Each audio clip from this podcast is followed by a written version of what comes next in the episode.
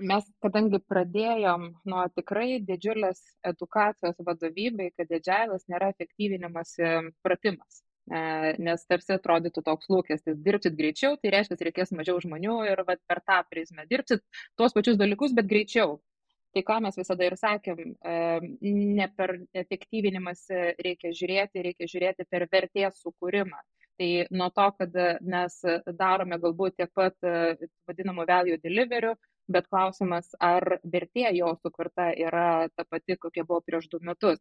Tai čia turbūt yra didžiausias pokytis, aš sakyčiau, e, kaip ir Danila sako, nedaryti to, ko nereikia.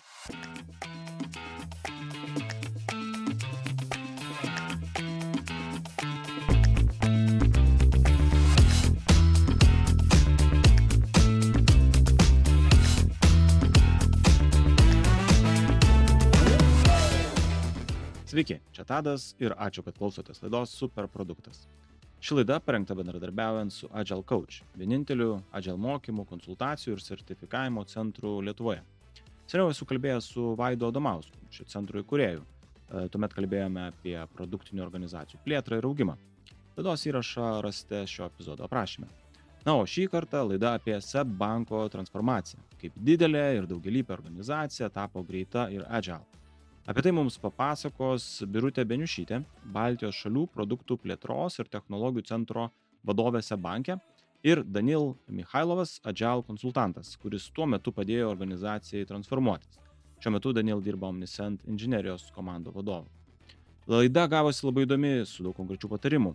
Aptarėm, kokie buvo pagrindiniai iššūkiai privedę prie poreikio keistis, koks buvo pokyčių procesas ir pagrindiniai iššūkiai Pabaigoje aptarėm, kokios pagrindinės pamokos, į kurias verta įsiklausyti visiems, kuriems įdomus Agile ir bendrai vertės kūrimas organizacijai ir klientams. Gero klausimus.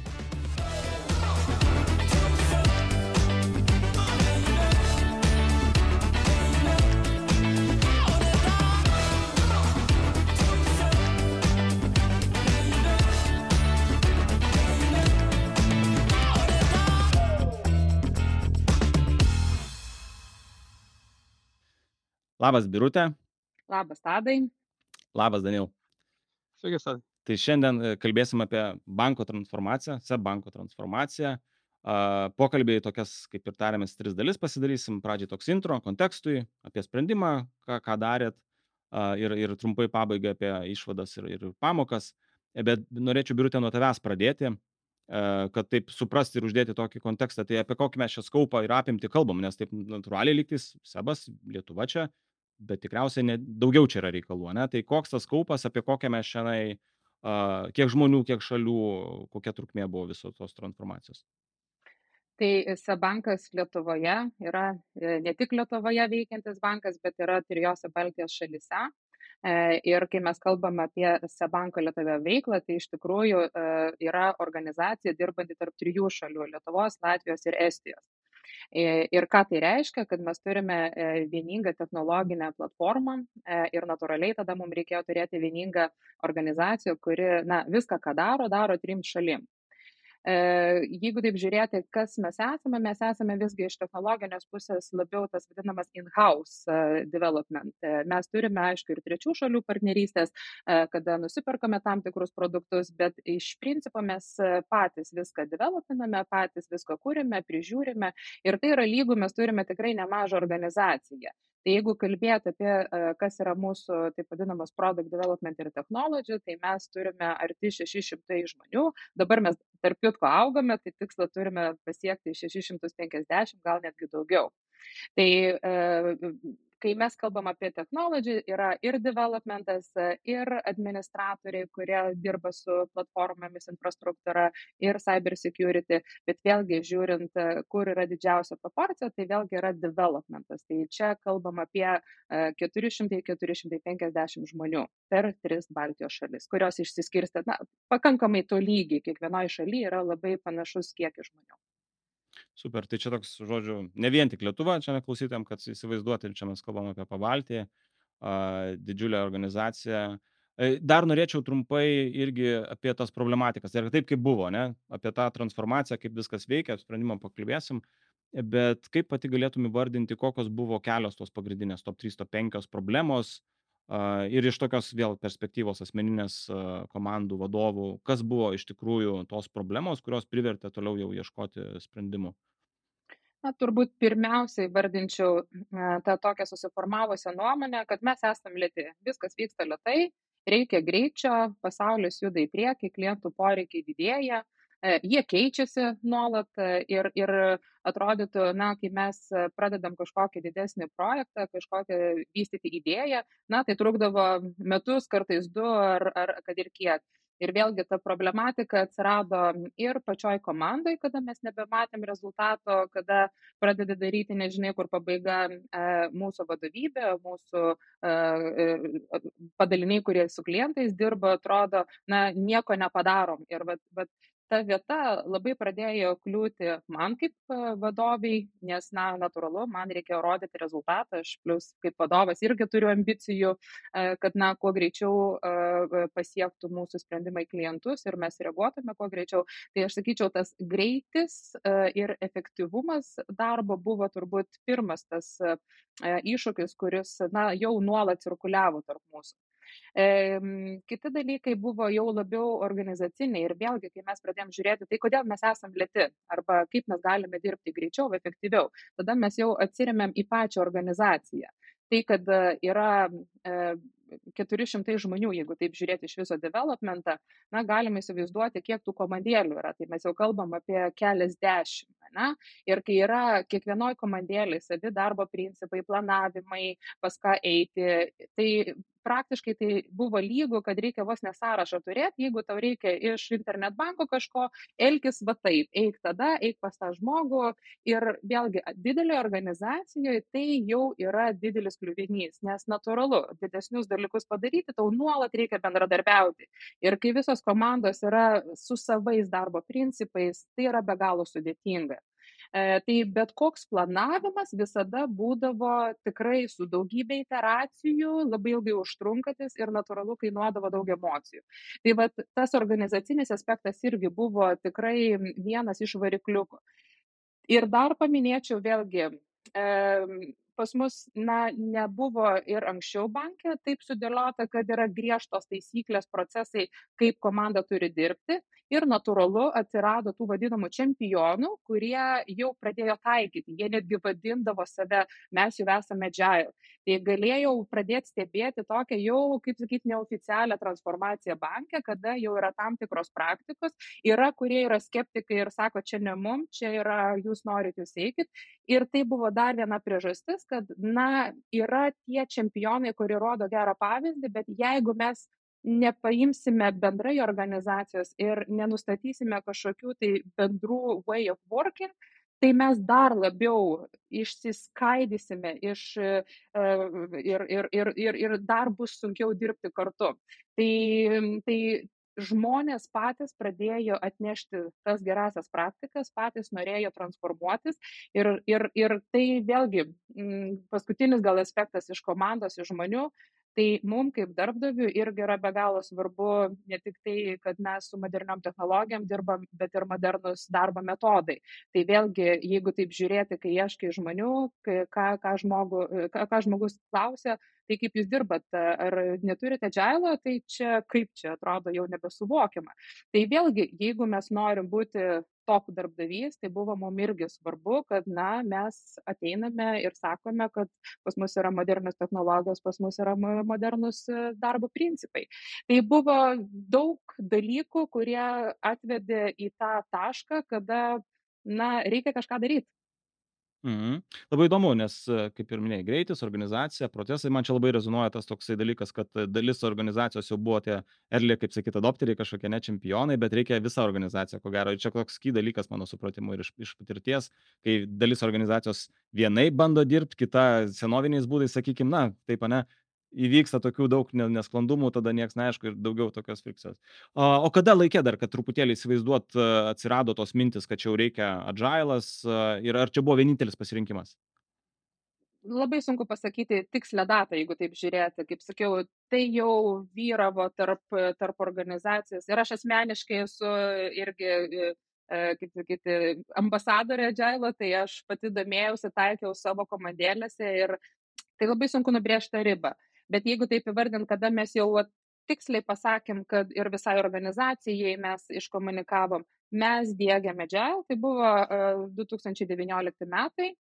Uh, ir, ir vėlgi, kad taip etapais pasižiūrėti, ne, um, neturėjom noro įdėkti Agile kaip po tokią. Ne? Mes visada sakėm, mes neįsim to keliu, kad Agile by the book kad mes pasiemam, va čia yra tas esminis darbo principo vadovėlis, kaip sakyti, ir mes jį pasiemam ir įdėgiam ir va išsprendžia visas mūsų problemas. Tai mums tas supratimas buvo iš pat pradžių ir aš sakyčiau vėlgi, man kaip vadovui vis, visada imponavo na, turinys labiau, o ne kažkokie tie keywordai, buzzwordai. Aš niekada nesivaikiau, o dabar va agile čia. Tai aš ką sakiau, yra gerų praktikų, akivaizdu mes jau kažką taikom ir šitoj vietoje man asmeniškai buvo visai nesvarbu, tai agile, lean ar kad ir kaip mes tą pavadinsim, reikia pasižiūrėti ir pasimti maksimumą iš tų metodikų ir pritaikyti savo organizacijoje. Ir kas tinka mum, nes mes vėlgi, mes nesame IT organizacija, mes esame sebankas. Ir todėl mums reikia būti integralia dalimi, mums yra procesai, mums yra tam tikros tvarkos, tai kas mums tinka labiausiai. Ir šitoj vietoje iš tų jau patirčių ir iš to domėjimosi, ką mes turėjom, tai, na, mums labai natūraliai atėjo, kad taip einam su Agile.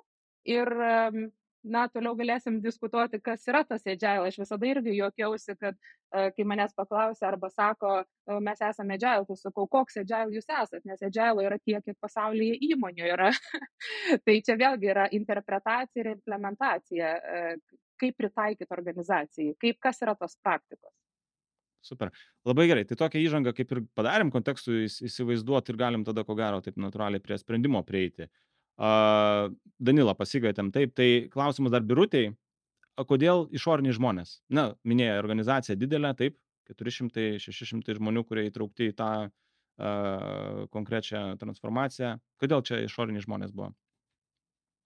Aš kažkaip um, net nedvėjojau, jeigu tie, tiesą sakant, ir visada laikausi to, tos principo, kad na galima skaityti domėtis ieškoti yra pilnas internetas visko bet mes nesam patys gudriausi ir, ir mes gyvenam savam burbule, mes matom ar suprantam, kaip mums kartais yra paranku, ne? Tai šitoj vietoj aš labai mėgstu turėti tą nepriklausomą žmogų, kuris turi kitokios patirties, kitų kampų, žmogus nežino, kaip mes dirbam, nežino, kad kaip mes 20 metų galbūt dirbam ir mūsų istorijų visų. Tai yra visiškai žmogus neutraliai stebintis, suprantantis metodologiją ir gali mus ir pačialinžinti, gali padėti ir, ir tai buvo na, vienareikšmiškas sprendimas, kad mums reikia uh, kažkokio, kažkokios pagalbos iš išorės. Ir taip atsirado Danilas pas mus. Super, tai čia svarbu, ko gero, ne tas toksai kontekstų kitokių turėjimas, o tas burbulas, ne, kad e, žinai ir čia tiesiog tos kitokios informacijos. Ir tas yra viena, ir, ir kitas yra kampas, jau čia iš patirties, kaip mūsų ta kelionė su Danila ir apskritai viskas vyko. Kai mes pradėdavom diskutuoti, na, kaip, kaip interpretuoti vieną ar kitą ten e, praktiką ar, ar metodikos dalį, yra tikrai nemaža rizika, kada lengvai galima suinterpretuoti, kaip tau yra paranku, nes nu, nepatogu keistis yra.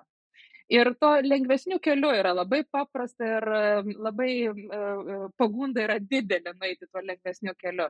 Ir šitoj vietoj vėlgi gražinimas į faktus, gražinimas į metodologiją, teisingų klausimų uždavimas, o kodėl, o kam to reikia, ar tikrai priverčia susimastyti. Ir vėlgi, kai mes kaip vadovo komanda, natūralu, mes tarsi tas, e, e, tas metodikas taikėm ant kitų žmonių, ant savo darbuotojų, bet dabar Danilas, na, iš tikrųjų smarkiai padirbėjo su mumis kaip su vadovo komanda ir tikrai, na, teisingus klausimus užduodant, aš manau, kad mes pasiekėm kur kas daugiau ir nenuėjom tai tuo lengvuoju keliu iš tikrųjų.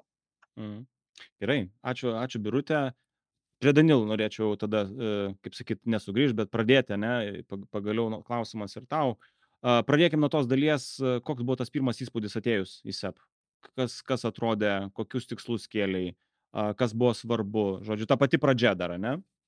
Buvo labai įdomu, nes tiesą pasakius, e, radau žmonės kur kas labiau susipažinusi su Agile negu tikėjausi. Na, žinot, kiekvienas ateina su savo lūkesčiais neišvengiamai. Tai vat, e, ir buvo jau ir pasibandžiusių komandų, ir su vadovais, kai kalbėjau, mačiau, kad, a, na, yra ir supratimas, ir yra paieška to, kas iš tikrųjų svarbu.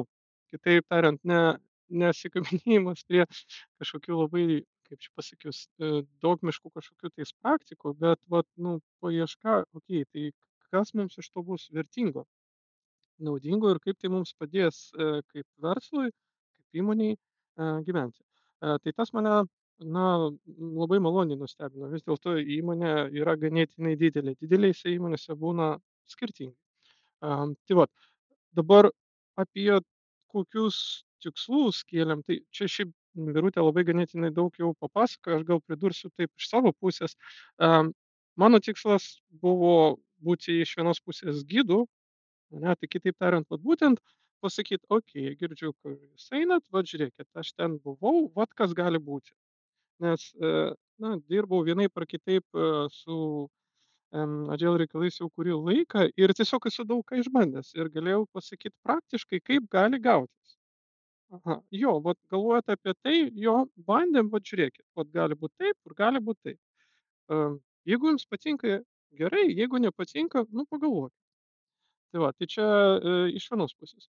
Iš kitos pusės, e, nuo pat pradžių buvo labai svarbu suprasti, kad aš išeisiu. E, Ir kai aš išeisiu, tai nu, neturi dalykai pagriūti. E, Tai apie tai pradėjom šnekėti labai anksti ir, na, e, iš dalies e, dėl to ir buvo pasirinktas e, būtent toksai kelias, e, koks buvo pasirinktas, kad, nu, man pasitraukus, nu, nesugriūtų kortų namelis. Taip va. Gerai. A, O kaip, Birutė, atrodė pats tas pokyčių dėgymo procesas? Nes vis kalbam apie, apie, apie pokyčius, ne? Minėjai, dalis organizacijos jau lygtis yra pradėję, e, buvo tų čempionų taip vadinamų, bet e, kita da- organizacijos dalis buvo nepasirengus tikriausiai.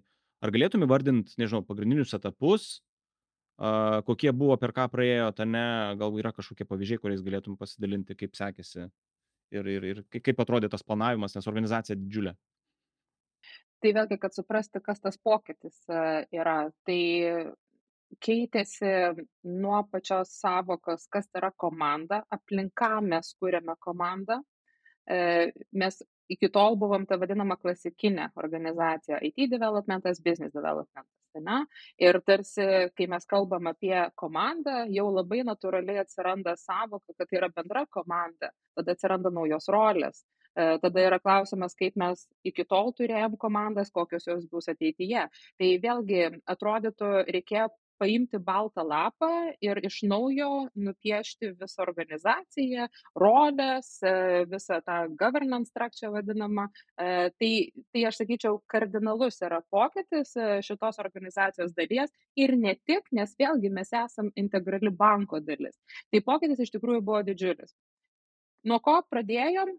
Na, tai kaip mokėjom iki šiol, kaip, kaip natūraliai darosi transformacijos. Susirenka vadovai ir sako, reikia daryti, darom e, darbo grupės susitikimus, vadinamus workshopus, e, vieną dieną, antrą dieną ir, ir taip mes gyvenam arti metų, aš gal sakyčiau. Ir ką mes pastebėjom, kad, na, tos diskusijos, tai kas yra ta rolė, kaip mes norim dirbti, iš tikrųjų, na, niekur nevedė. Tai kiek mes atrodytų su diskusijom pasistumėdavom, jau tarsi susitarėm, bet vėl mes grįžtam į pradinį tašką, nes kažkam iš mūsų vadovo komandos visgi yra dar bet, nuogastavimų, klausimų ir dar ne iki galo viskas aišku. E, kas buvo ta vadovo komanda? Tai vėlgi buvo e, aš pati ir, ir, ir mano e, e, analogas, ar kaip pasakyti, verslo plėtroje, nes aš buvau IT programavimo vadovė e, ir buvo verslo plėtros vadovė. Tai mes dviese buvom tie žmonės, kurie drivino e, ir, ir e, buvo atsakingi už šitą pokytį, o mūsų vadovų komanda buvo, na, ta, ta darbo grupė, kuri ir darė transformaciją. Tai kalbam apie, apie 15 žmonių darbo grupė. Tai turbūt jau galima įtarti, kaip yra nelengva, ypač su vadovų komandom, na, kurie yra tikrai išmintingi ir e, randa įvairių kabliukų susitarti. Tai mes turėjom tokį lūžio tašką, kada po tikrai arti metų laikotarpio mes sėdim ir sakom, ar tikrai tai yra mums. Jeigu mes per metus negalim susitarti dėl, atrodo, esminių tokių ir gan smulkių dalykų, tai, na, ar dar metus mes darom, ar ką mes darom. Ta prasme, toks vat, buvo atviras, atrodo, rankų nuleidimas.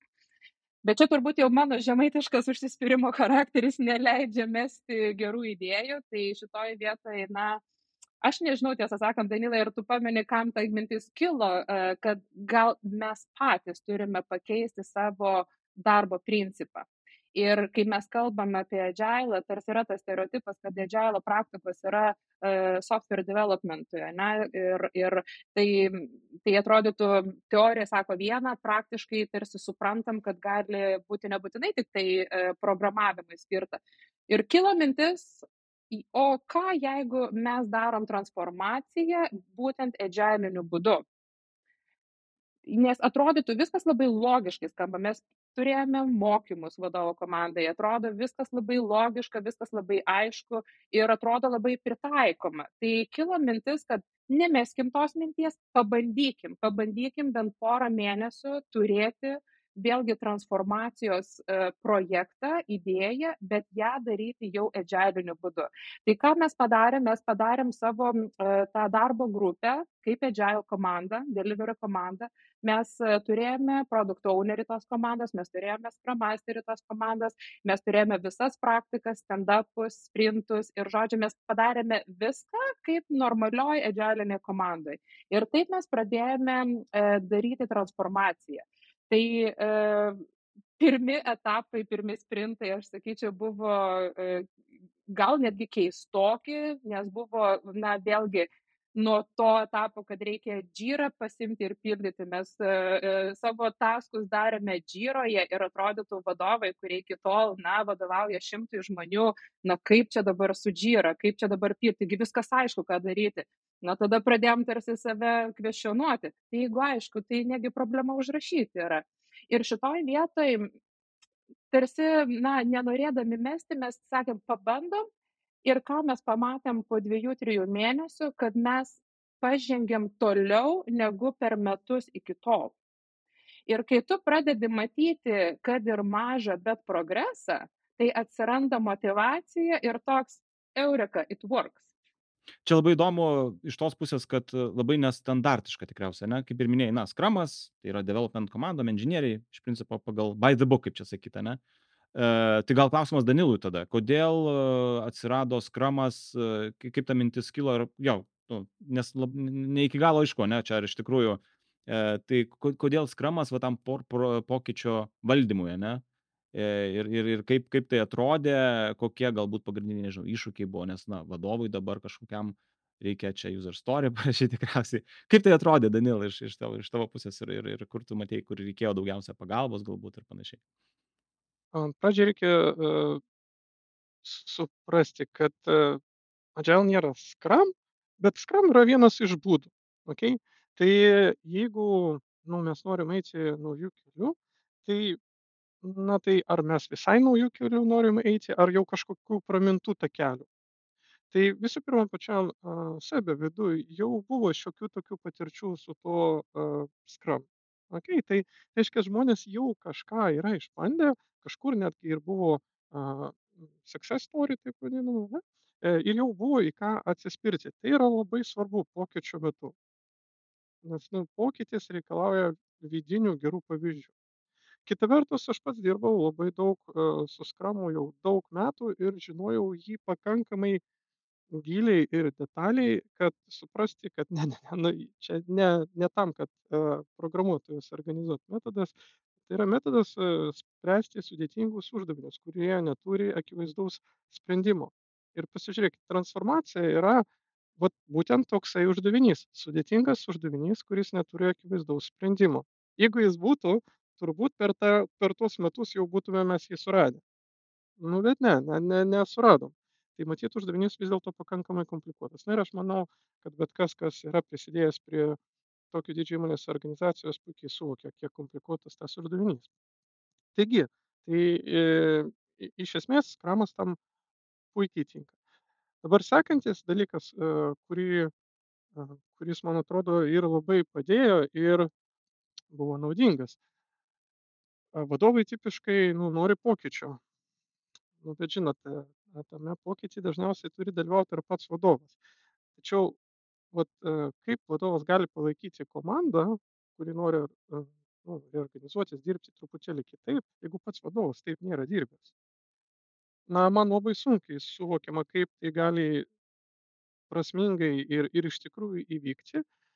Ir šiuo atveju vat, tas um, transformacijos įgyvendinimas skram būdu, jisai sukūrė patiems vadovams tos uh, pirminės patirties. O tai kaipgi, kaipgi mes įsivaizduojam, kad patys pato žmonės dirbs tokiu būdu.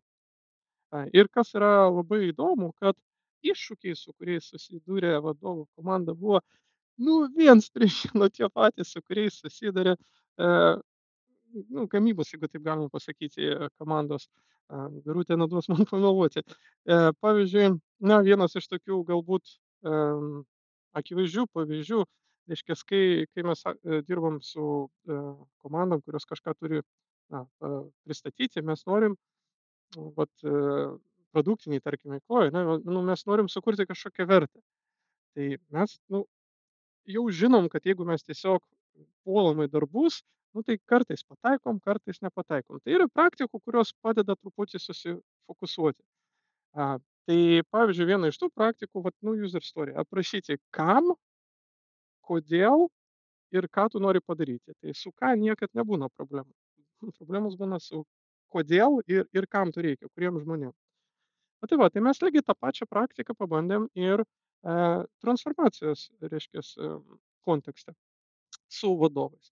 Ir aš labai gerai atsimenu tokį sunkų, ilgą e, susitikimą, a, kur dvi valandas mes diskutavom ir šnekėjom apie viso labo trijų user story suformulavimą transformacijos kontekste.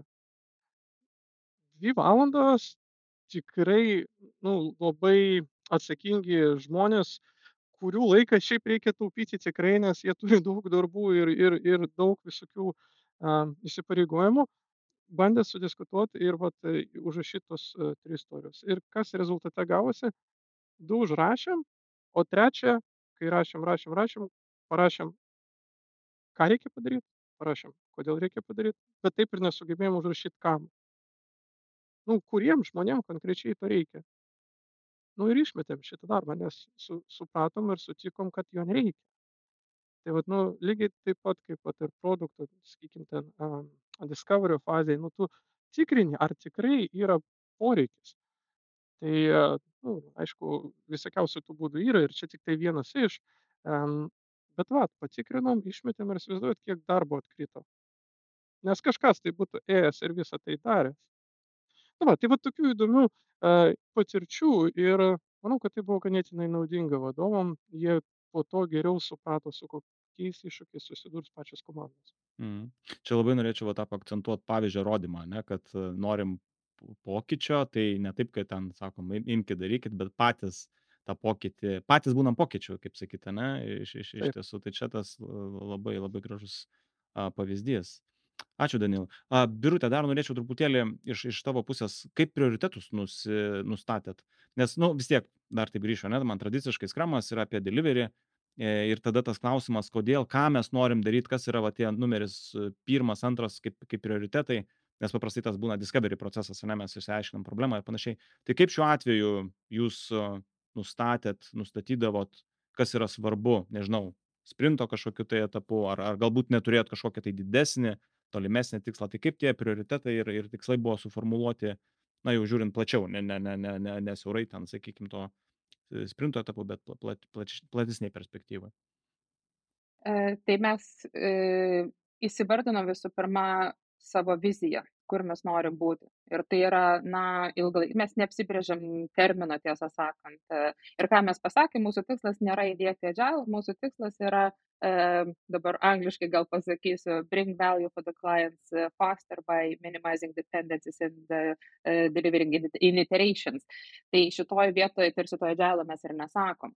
Ir kai mes sakom, kur mes norim būti su organizacija po X metų, tada mes sakom, o ką mes norim pasiekti pirmaisiais metais, koks yra mūsų tikslas, kad mes eitume link savo vizijos, bet koks mūsų tikslas yra pirmie metam. Ir tarkim, mes per pirmus savo transformacijos metus įsivardinam, mes norim turėti aišku setupą rolio, komandų, ir norim, kad tas praktikas, ką mes sutarsim, bent du traibai pabandys jau. Mes turėsim tokius, kad ir pradinius etapus. Ir tai iš tikrųjų buvo pagrindinis uh, inputas dėliojant konkretu, konkrečius sprintus. Nes vėlgi, neturint tos krypties ir tikslo, yra labai sunku vadovo komandoje susitarti, nes vieni sako, aš noriu nuo internet banko pradėti, nes aš jį valdau dabar, o aš noriu to. Ir yra labai sunku, nes visos idėjos yra labai geros, jos visos yra teisingos ir jų visų reikia. Ir čia yra klausimas, kaip patadai ir sakai, nuo ko pradėti, kaip prioritizuoti. Tai tai padeda turėti tolimo tikslo tikslo, tada artimesnio ir tada iki tokio lygio, kad koks yra mūsų šito sprinto tikslas. Na, kai, jeigu mes norime du e, turėti traibus, tai ką mes darom su šiuo sprintu, kad mes artėtume. Nu ir tarkim, jeigu mes sakom, kad mes norime turėti, e, e, tarkim, e, pavedimų komandą suformuotą iki metų galo, na ir galvojam, tai mums reikia rolių, mums reikia e, setupų, mums reikia to, ano, ano, ir jeigu jau yra kitos mintys ateinančios, mes visada klausim, kaip tavo mintis padės šitam mūsų tikslui. Padės kitam tikslui, tvarkoj, gera mintis, pasidedam į šalį, prie to grįšim, kai formuluosime jau kitus etapus, kitus tikslus. Tai tai buvo, aš sakyčiau, pagrindinis dalykas - nepasiklysti tose diskusijose iš tikrųjų. Ir jau kaip Danil irgi minėjo, tai va tas suformulavimas ne tik tai kokia gera idėja ir kaip visko reikia aš nesiginčiu kad gera idėja bet kam to reikia ir kaip tai e, iš tikrųjų veda mus link to sprinto tikslo link meni, metinio tikslo ir panašiai. Tai va ta krypties tas krypties suformulavimas mums visada buvo tarsi kaip mes sakėm kelrodė žvaigždė nepasiklysti planavimuose Mhm. Dar truputėlį gal čia ir abiem, ir Birutė, ir, ir Danil klausimas, e, va, dar pagilinti tą, tą, tą dalį norėčiau, ne? Turi, turit tą long terminį tikslą metų. Nu, didelis dalykas atrodo, ne? Yra kažkokia, kažkoks tikslas bendras vizija. Bet vis tiek, priori, kaip, kaip atrodė tas konkrečių dalykų įdėjimas į sprintą? Ar jūs turėjot kažkokius tai tikslus konkrečius, jeigu galima gal per, per, per pavyzdį kažkokią, ne, kad tikrai mes žinom, kad vat, minėjai traibus, tai prieisim tikriausiai dar prie tos dalies, kaip ten viskas atrodė, ne, organizacijos lygyje, Bet, na gerai, kodėl du traibai, kodėl ne vienas, kodėl pavedimų komanda minėjo ir taip toliau. Kaip tas prioritetas, kaip tie prioritetai atrodė ir kaip pasirinkdavot, ką konkrečiai reikia įdėti į šitą sprintą, o ne, o ne, tas, ne tie dalykai palauktų, nežinau, mėnesį du. Tai gal pradėsiu nuo to, kad uh, uh, pasirinkti, su kuria komanda pirmiausia važiuoti, mes galvojam, tai neturėtų būti labiausiai komplikuota, bet neturėtų būti ir tiek paprasta, kad, na, negalėsim pasibandyti, kad daryti kažkokias tai išvadas. Kitas aspektas buvo, kada žmonės jau komandoje na, nėra e, didesnė dalimi tie, e, kurie nelabai gal palaiko tai mes norėjom vėlgi neapgaudinėti savęs ir išsirinkom tokią komandą kur būtų ir tų probleminių sričių bet kur būtų ir to noro e, ir ir pajėgumo važiuoti tai va tokia buvo dedamoji ir vėlgi mes žinom geriausią savo organizaciją ir mes atsirinkom komandas su jom pasitarėm ir na sakom vat nuo jų nuo jūsų norėtume pradėti tai va taip atsirinkom kurias komandas tada kaip mes e, dėliojam tuos tokius didelius, kaip sakyti, etapus, ne, prioritetiškai. Tai vėlgi žiūrint, na, be ko organizacija negali gyventi. Na, negali gyventi be supratimo, kokios yra rolės, kas priminėja sprendimus, e, kas yra mano vadovas. Na, jeigu mes visiškai perbraižom organizaciją, tai vad kas tai yra. Jeigu mes kalbam apie tribą, tai vėlgi, jeigu turim vat, 400, tarkim, visumą žmonių, tai mes dabar turim 7 tribus tai vat vienas traibas valdo apie šimtą iki šimto žmonių ane tai vėlgi yra vieno e, traibo apimtyje yra komandos tai kad važiuoti toliau kad eiti į detales reikia iš principo suprasti kas yra ta komanda apie ką mes ją formuojame apie produktą apie sistemą kur buvo aš nežinau gal pusę metų apie tai turbūt diskutavom. Komanda yra istoriškai nes it patogiau yra per sistemą kurti nes mes taip meinteininam ir yra patogiau. Ar per verslo e, tą arba klientinę naudą, ne, tai kas yra tas value, kad galėtume turėti tą vadinamą end-to-end delivery.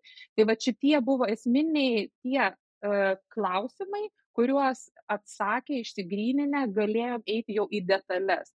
Tai vėlgi, uh, jeigu einant į detalės, kas pavyzdžiui yra tikslas, nu tarkim, turėti rolės apibrėžimą ir tikslus, tai natūralu per dvi savaitės mes to nepadarysim. Tai vėlgi, kas yra tas deliverable? Tai mes turime turėti, kokie aspektai yra. Ir tai yra success story, tai yra stories, kuris yra done, ne?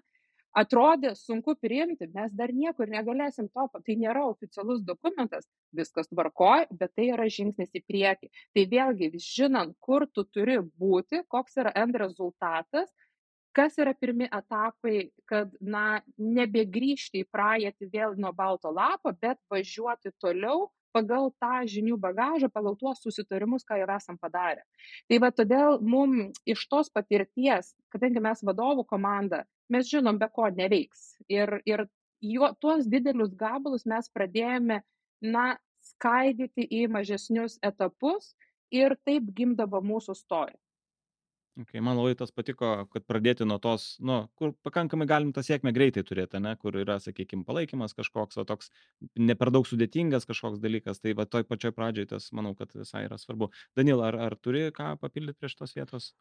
Jo, aš galbūt iš kito kampo tiesiog apie tą patį, ko nedarėm, tai vat, nu, neturėjom to tokio didžiulio upfront kažkokio, nežinau, kaip pasakyti, backlogo, ne, kurį mes vat ir bandom dabar sistemingai suvalgyti. Nu, nes mes e, tiek žinom iš produktinės veiklos, kad tai neveikia, e, tiek e, tuo labiau tokiam komplikuotam uždaviniai, nu, tai jeigu galėtume turėti, tai jau būtume padarę anksčiau.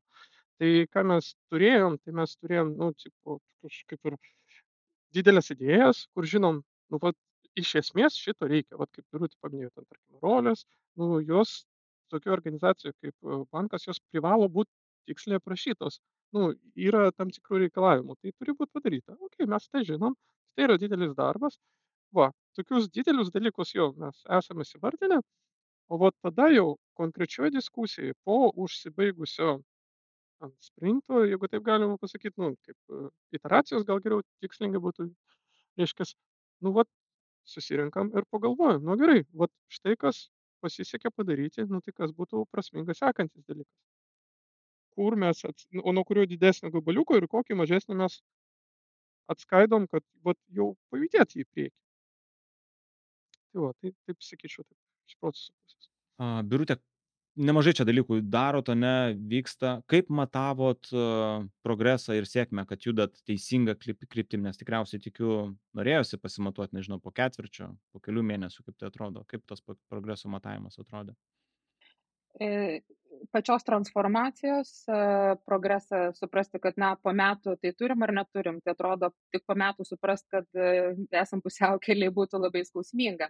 Tai mes turėjom tam tikrus irgi etapus nusimatę, kad jeigu šitame etape mes dar neturime, na tarkim, ten pasitvirtintų rolių, tai reiškiasi mes jau vėluosime tai reiškiasi mes jau nukrypstam nuo plano nes na yra tam tikri dalykai vėlgi banke ar bet kurioj organizacijoj na be kurių tu negali daryti transformacijos. Tai mum buvo tarsi esminiai etapai kad jeigu nesam šitam taške tai reiškias jau yra kažkur nuokrypis ir diskusija yra o ką galim daryti kitaip.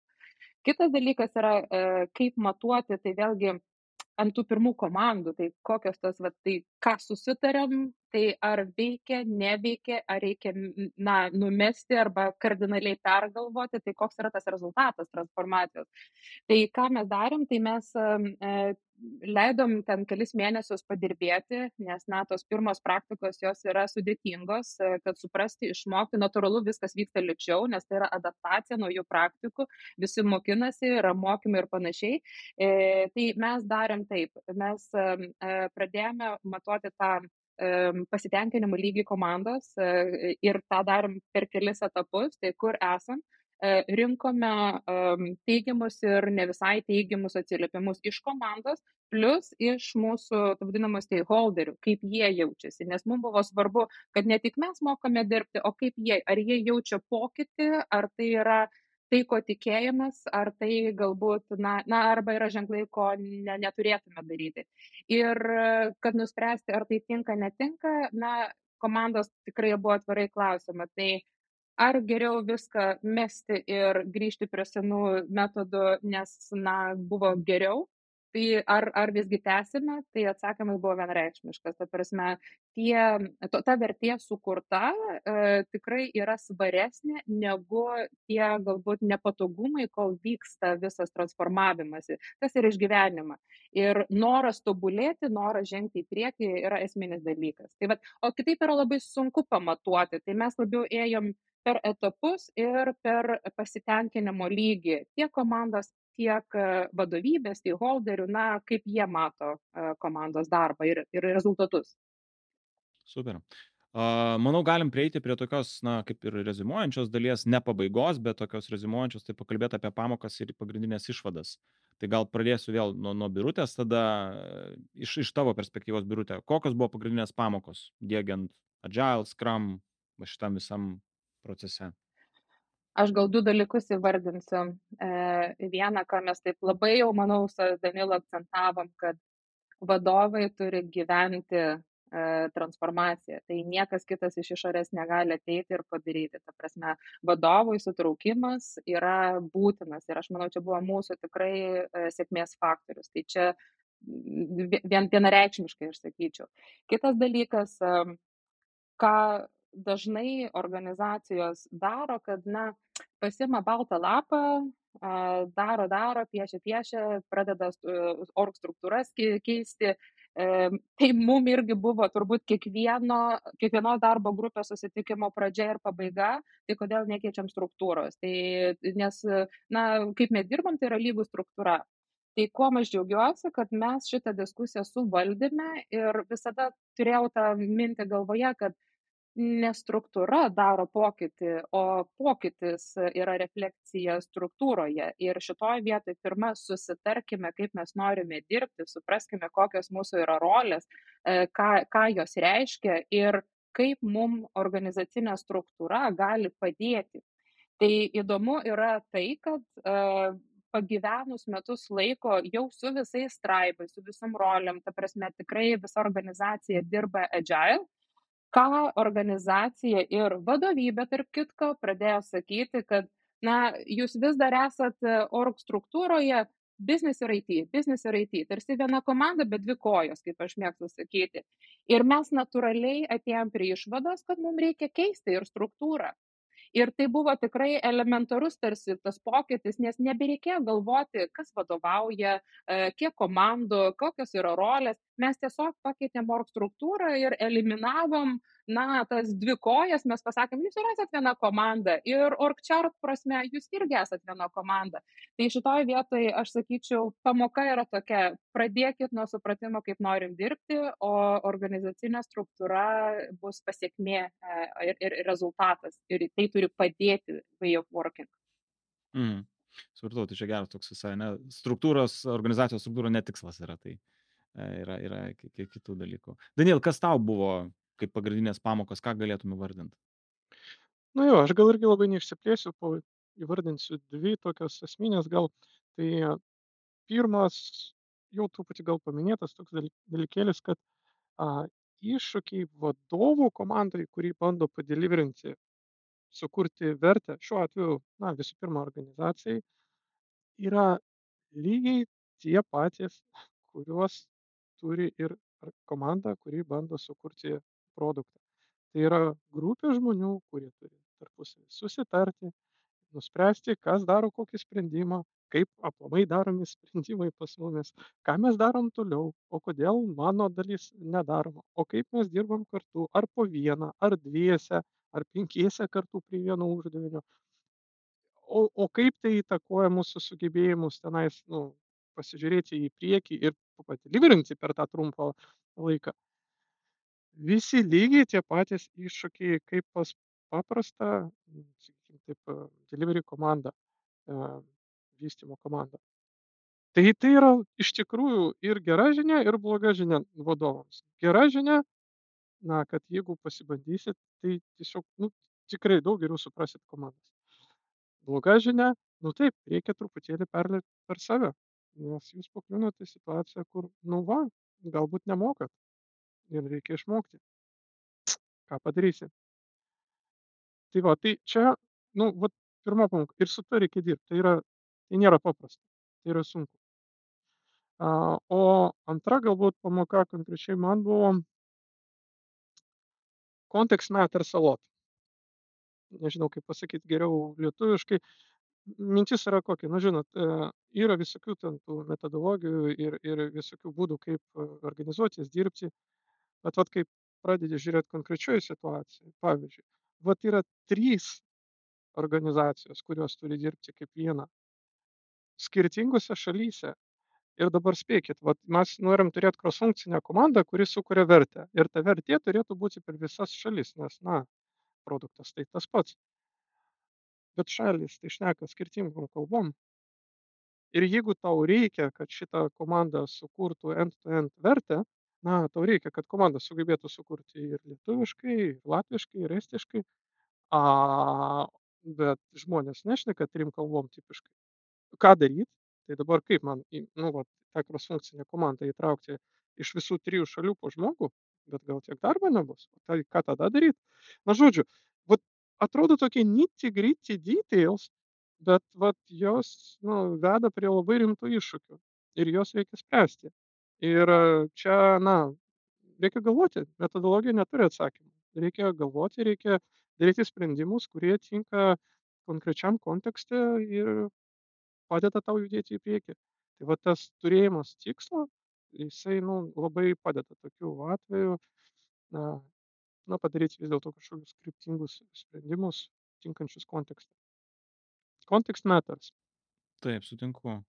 Birutė, o kaip galėtum pati vardinti vat, iš tos patirties, nemažai ten nelaiko praėjo, apie sunkumus? Ir čia galbūt būtų įdomu ne tik galbūt, na, ir tavo, aišku, perspektyvoje, bet ir pačių komandų, galbūt kitų vadovų, ne, nes, vat, jau minėjome, ten tas pavyzdžio rodimas kaip toks, va čia aš suprantu patiems praskramo. Bet gal dar yra kažkokių tai dalykų, kurie buvo tikrai sudėtingi ir čia vėlgi kitom organizacijom tikriausiai yra naudinga, ne iš karto teisingai susi, susidėliota, ne kad, aha, jeigu mes norėtume dėlioti, eiti vat, per tokį procesą, tai mes tikėtina sulauksim kažkokių panašių sunkumų ir kažkaip jas reikės spręsti. Tai kas buvo vat, sutingiausia iš tų tokių kelių lygių, ne, tavo asmeniškai, komandom, kitiem vadovom?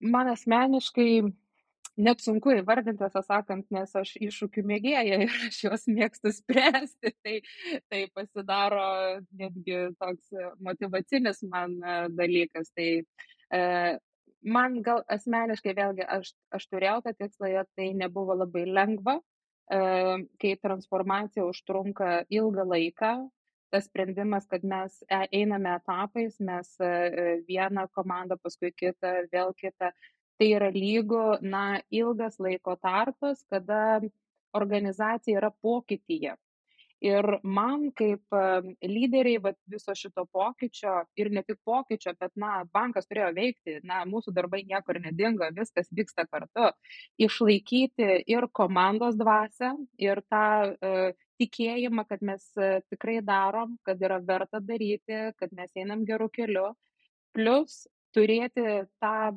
tikėjimo transliaciją ir vadovybei, nes natūralu, vadovybė visada gali ateiti ir sakyti, na, jūs čia gal jau truputėlį per ilgai, galėtumėt greičiau arba nematom rezultato, tai yra darbai. Tai aš sakyčiau, išlaikyti e, šitą tikėjimo dvasę ir norą žengti pirmin yra turbūt sunkiausia. Tai visada atrodytų galim surasti daug priežasčių, kodėl jau nebesiseka, na, ir tarp kitko, visame šitame mūsų kelyje atėjo COVID, tai galite įsivaizduoti, ką reiškia transformaciją daryti, na, kai negalim susitikti, kai negalim keliauti, kai negalim būti e, du žmonės šalia vieni kitų ir prie baltos lentos. Tai vėlgi atrodytų, na, mes tų akmenų kelyje turėjom daug ir, ir tai buvo tikrai nelengva nenumesti tos idėjos, nes tai yra ilgalaikis tikslas. Tai tas, tas tikrai buvo sunkiausia ir rasti argumentacijų, kaip eiti į priekį, o ne tai, kad ras penkias priežastis, kodėl numesti. Tai va, tas, tas tikrai buvo sunku. Komandoms aš irgi jau truputėlį paliečiau, tas va, tranzicijos periodas, jisai, na, tikrai patarčiau jį turėti, bet jį turėti protingai trumpą. Ilgai gyventi tai, kad, na, kelios komandos jau nuėjo tuo keliu, kitos komandos dar nelabai supranta, apie ką kalba, nes jos tarsi yra tos paskutinės etape, bet dirbti tai vis tiek reikia kartu. Ta prasme, na, mes vis dar dirbam dėl vieno tikslo, dėl klientų, dėl projektų įgyvendinimo. Tai šitoj vietoje vėlgi išlaikyti komandų motivaciją ir iš kitos pusės demotyvacija, o kodėl aš dar neinu, aš jau noriu eiti, bet, na, aš dar ten kažkur tolėliau. Tai labai, na, komandų lūkesčiai buvo labai įvairiapusiškai. Tai va, nuolatinė komunikacija, e, derinimasis, ką darom, kada darom, kodėl vieni ir kiti sprendimai, na, padėjo išsikalbėti ir suvaldyti tai, bet tas yra labai svarbu. O vadovybei, na, natūralu, aš tikrai džiaugiuosi, kad, na, vadovybė per visus šitos, aš sakyčiau, 2-3 metus tikrai turėjo ir pasitikėjimą visų pirma, natūralu turėjau lūkesti, kad, na, tikrai dželas gali padėti gyventi geriau, turėti efektyvesnius darbo metodus. Ir, ir, ir šito tikėjimo ir pasitikėjimo tiek manimi, tiek visa komanda ne, neprarado. Ir, ir tai buvo esminis dalykas. Tai jeigu organizacija tiki, tai visada ras būdų, kaip, na, to make it happen. Mm. Na čia mums šnekėti lengva, ne, jau kaip sakyti, retrospektyviai žiūrint, bet įsivaizduoju, jo, visa, visa, visa ta tranzicija, apie tas perėjimas tikrai sudėtingas turėjo būti. Uh, Daniel, galbūt galėtume mes tada pabandyti prezumuoti, uh, iš tavo perspektyvos, ne, kaip patartum vadovam, komandam, kitiem, uh, apie skramą jau čia kalba, ne, kokių bendrų principų reikėtų laikytis, jeigu mes vat, nusprendžiam dėkti, tai vat, bendrai daug visko papasakom, bet galbūt galėtum tiesiog tada taip parezumuoti, kokie tie pagrindiniai principai, jeigu mes sugalvom laikyti, dėkti skramą organizacijoje. Nu, pabandom, tokie keletą bullet pointų. Tai visų pirma, skramas nėra tikslas, ok? Ta prasme, skramas yra priemonė ir reikia labai aiškiai įvardinti, kokio velnio jūs tai norit daryti. Ir šitoj vietoj, kas iš to bus naudingo, ko jūs tikitės, kad iš to bus naudingo? Kas iš to visų pirma verslui? Na, dabar ten galima diskutuoti, ką jūs labiau fokusuojatės ir į klientą, į verslą ir taip toliau, bet galiausiai verslui tai būt, turi būti kažkaip naudinga. Jeigu tai verslui nebus naudinga, tai, nu, nu bus nesąmonė. Okay? Tai labai aiškiai reikia tai vardinti, ko tikisi verslas.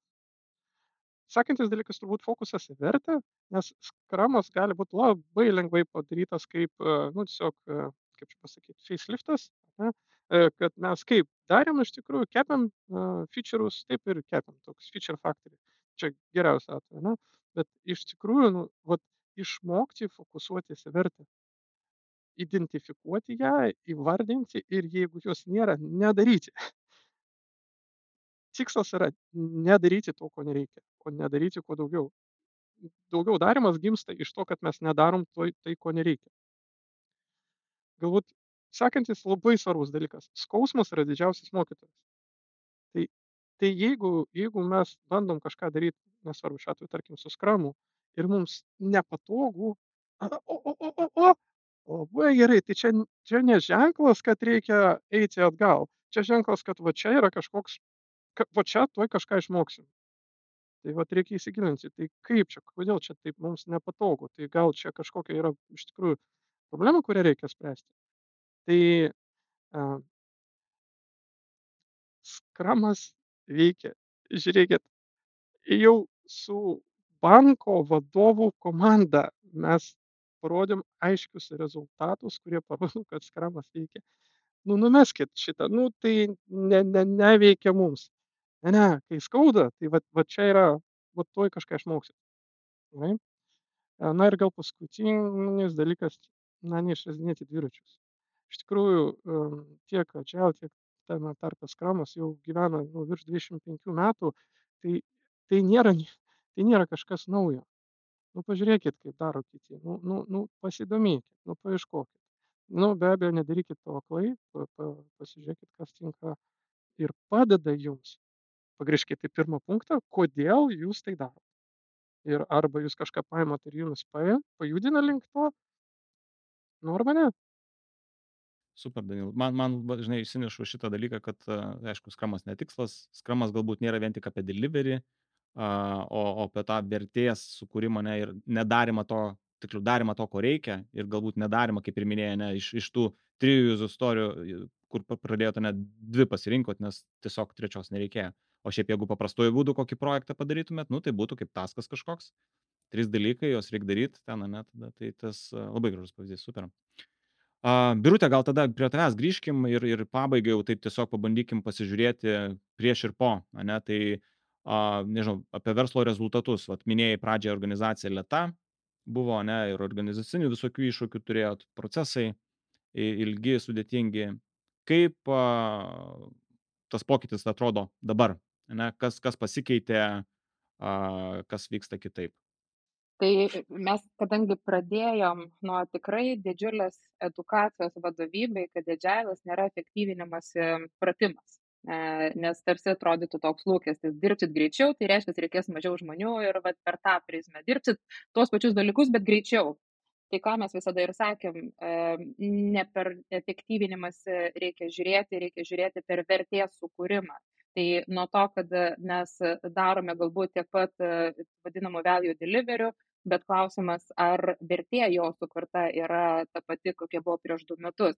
Tai čia turbūt yra didžiausias pokytis, aš sakyčiau, e, kaip ir Danilas sako, nedaryti to, ko nereikia. Mes tikrai turėjom tą tendenciją turėti išbaigtumą, visų e, nuomonės atsižvelgti ir kurti produktą metus du ir tada išleisti ir pasižiūrėti, kaip veikia. Tai šitas pokytis tikrai yra didelis, mes e, kur kas daugiau e, darome iteracijų, klausime klientų ir tikrai turime keletą ir tokių įdomių pavyzdžių, kada mes sustojome, mes sakom, na, turėjom vieną įsivaizdavimą, bet klientai sako, kad mums jau gana, mes jau norim kitų dalykų, nebeteskit, mums jau čia yra, kaip mes sakome, good enough o tada atrodytų prieš du metus tai mes čia būtume tęsę nes atrodo labai gera idėja. Tai yra daug gerų idėjų bet reikia na į tuos mažus gabaliukus e, e, skaldyti. Ir tada ir, ir skaičiais tai matosi, na, kiek daug mes darome dėgymo į produkciją. Tai vad vėlgi žiūrint prieš du metus ir dabar, atrodytų organizacijos dydis nebuvo smarkiai pasikeitęs, bet, na, kiekis revizų išaugo, kas irgi reiškia, mes vis dažniau kažką atnešame klientam ane? Tai ir yra ta vertė. Ar, ar, ar kaip kitaip kažkaip pamatuoti, tai mes žiūrime vadinamą time to market, e, tai vadinasi, kad mes nuo tos idėjos iki įgyvendinimo tikrai turime tikslą sumažinti laiką, tai vėlgi prieš transformaciją duomenys, kokius mes turime, tai yra ir virš metų, dabar mes e, e, turime, na, dar nesididžiuojame iki galo, tai turime apie 180 dienų vidurkį, bet e, tikslą turime ateiti iki 90 dienų ir norime kuo labiau, na, didelius darbus, didelius, didelės apimties kažkokius tai projektus, na, suskaldyti etapais ir, ir link to tikrai einame. Ir yra vėlgi daug metodikų, kaip tą daryti. Tai agile savoka nėra, kad mes dan, ne? tai agile'as yra nesibaigianti istorija, tai kuo toliau vieni, kuo tobulėji, tuo tik labiau kyla dar daugiau minčių, ką daryti dar daugiau. O tai tada iš karto toks follow klausimas, o kas toliau? Nu, nes atrodo, liktais, nu, kiek čia, nuo 19, ne, tai dabar 23 procesai vyksta, bet, kaip sakai, tai ne, ne, nebaigtas, ne, dalykas, o, o kas toliau, kokie planai, jeigu gali kažkiek išduoti? E, keletas yra e, aspektų. Mes dabar norime eiti plačiau už savo organizacijos ribų, tai yra vėlgi mūsų stakeholderiai. Vėlgi suprasim, kad kai mes kažką darome, mums reikia, tarkim, ir teisininkų, ir atitikties, ir rizikos valdymo, ir žmonių, kurie dirba jau su klientais nuomonės. Ir, na, kad mes dirbame e, kitokiais principais, mes e, e, turime savo metodologijas, tai nebūtinai kitos organizacijos dalis, kaip teisė, na, dirba tais metodais.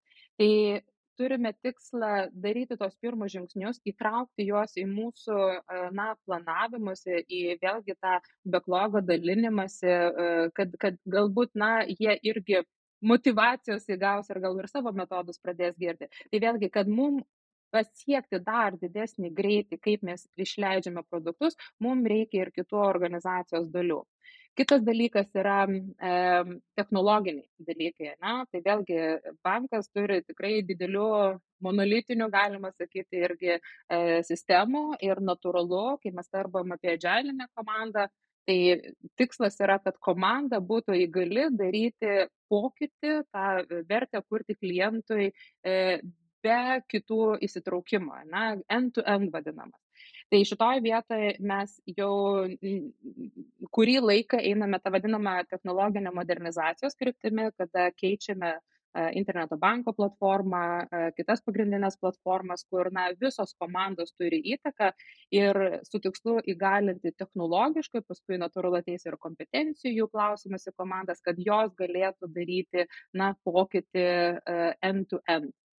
Ir dar turbūt toks įdomiausias kampas man asmeniškai, kur aš gal tokį truputėlį kitą stereotipą turėjau pradėt, pradedant daryti agailinę transformaciją. Atrodytų, na, klientas turi lūkesti kuo greičiau uh, matyti tą uh, progresą, uh, gauti kad ir tarpinės beta versijas, uh, Ir ką aš pradėjau pastebėti, na, iš mūsų kaip tikrai banko, kuris aptarnauja, na, visą visuomenę ir tas, kas yra klientas mūsų, tai yra ir jaunoji karta, ir mūsų seniorai, ir finansinės institucijos, ir didelės įmonės, ir, na, natūralu, viskas, kas yra savokai klientas. Ir kai mes pradėjome sakyti, tai jum yra didžiulė nauda, nes mes ateiname su vienu pokyčiu, kitu pokyčiu, čia gal negalutinis, bet mums reikia jūsų nuomonės, mes jį patobulinsime, eisim toliau. Ką aš pradėjau girdėti, kad yra tam tikra dalis klientų, kurie, na, ne visai dar yra pasirengę šitam, galima sakyti, greičiui, nuolatiniam pokyčiui, jie irgi turi adaptuotis, tarkim, didelės įmonės, jos turi savo sistemas, tai Tai yra labai toks, aš sakyčiau, edukacinis kelias, kada prisitaikyti mūsų įmonę, mūsų bankas irgi turi prie įvairių klientų poreikių, nes natūralu, mums visi klientai yra reikalingi, brangus ir mes ir turime atsižvelgti jų poreikius. Tai vad, kaip balansuoti, kaip edukuoti, būti moderniems tie, kurie, na, labai tikisi modernumo, greičio, bet iš kitos pusės, kaip, na, turėti tą pasitikėjimą ir, ir kaip mes turėtume edukuoti tuos, kuriem irgi galbūt reikia eiti agilinės transformacijos keliu. Tai va, įdomi kelionė, neturiu atsakymų, bet manau, juos rasim po, po kažkiek laiko. Tai labai linkiu rasti labai įdomus iššūkiai tai čia ir svarbiausia ko gero ane į tą, tą problemą kaip sakyti įsimylėti ir, ir tada bandyti e, ieškoti o kai ieškai tai randi. Tai Tai super, ačiū Birutė, ačiū Danilų už pagrindinę tą dalį, tikrai buvo labai įdomu, bet dar uh, porą tokių, kaip sakyt, pabaigai tradicinių klausimų, tai gal nežinau, irgi nuo Birutės tada pradedu. Uh, kokią knygą norėtum rekomenduoti? čia turbūt mano paskutinė ir kodėl vat, ją būtent dabar paminėsiu yra uh, Niklas Sandberg Sustainable IT Playbook for uh, Technology Leaders. Um, tai yra dar viena tema, ką turbūt ne tik bankininkystė, bet turbūt uh, visas pasaulis pradeda kalbėti apie tvarumą. Ir natūralu, technologijos smarkiai prisideda ir prie na, tvarumo saugomą ir padėti gali, bet yra labai įdomių kampų. Ir kas man buvo įdomiausia, kad tikrai labai praktinė knyga, labai įdomus aspektai su, su praktiniais pavyzdžiais, tikrai labai rekomenduoju paskaityti. Ir kodėl šiame kontekste noriu paminėti, kad edžialo praktikos buvo įvardintos irgi kaip vienas iš būdų, kaip eiti link tvarumo, nes su mintim, kad nedarykit to, ko iš tikrųjų nereikia, neprisidarykit to, ko nereikia. Ir per tą vartojiškumą irgi galima, na, prisidėti ir prie tvarumo, nes vėlgi iš technologinės pusės žiūrint, kuo daugiau sistemų, kuo daugiau funkcijų, na, jos turi eikvoti resursus ir tai irgi yra dalis, na, tvarumo mūsų visų agendos. Tai vad labai rekomenduoju, dvi labai įdomios temos, labai siejasi tarpusavį. Super, ačiū Birutė. Uh, Daniel, ką, ką, ką tu norėtum rekomenduoti?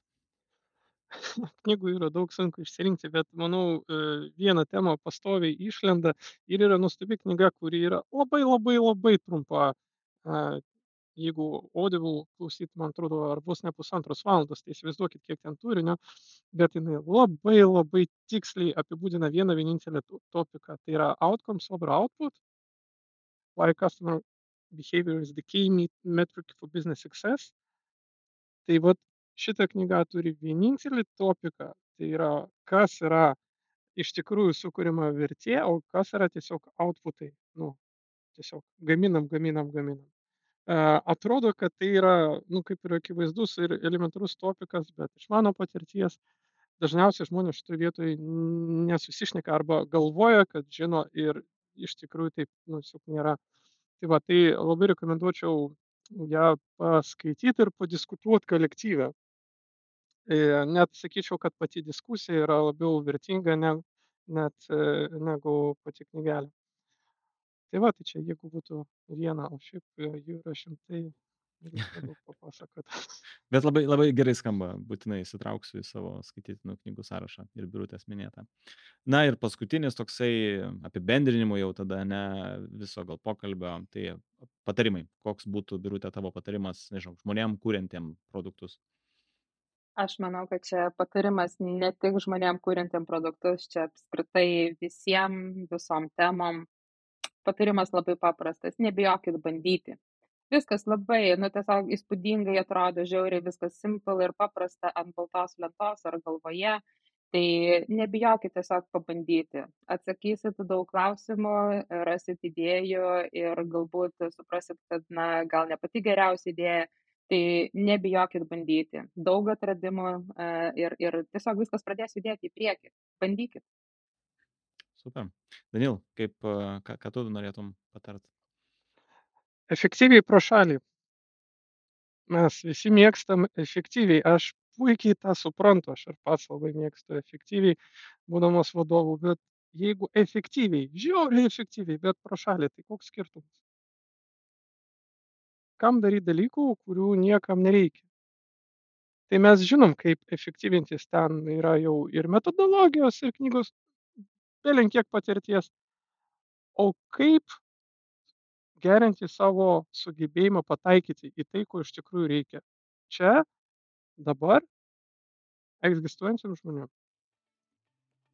Užduokit šitą savo klausimą ir pabandykit rasti jį atsakymą. Labai geras patarimas, tikrai. Ačiū labai, ačiū Birutė, ačiū Danil, tikrai buvo labai įdomi istorija apie transformaciją, apie, apie iššūkius, kas yra iš tikrųjų vertė, koks yra tikslas. Tai ačiū dar kartą ir linkiu sėkmės toliau, dėgiant pokyčius ir, ir naujoves. Ačiū labai, sėkmės visiems. Ačiū tavai.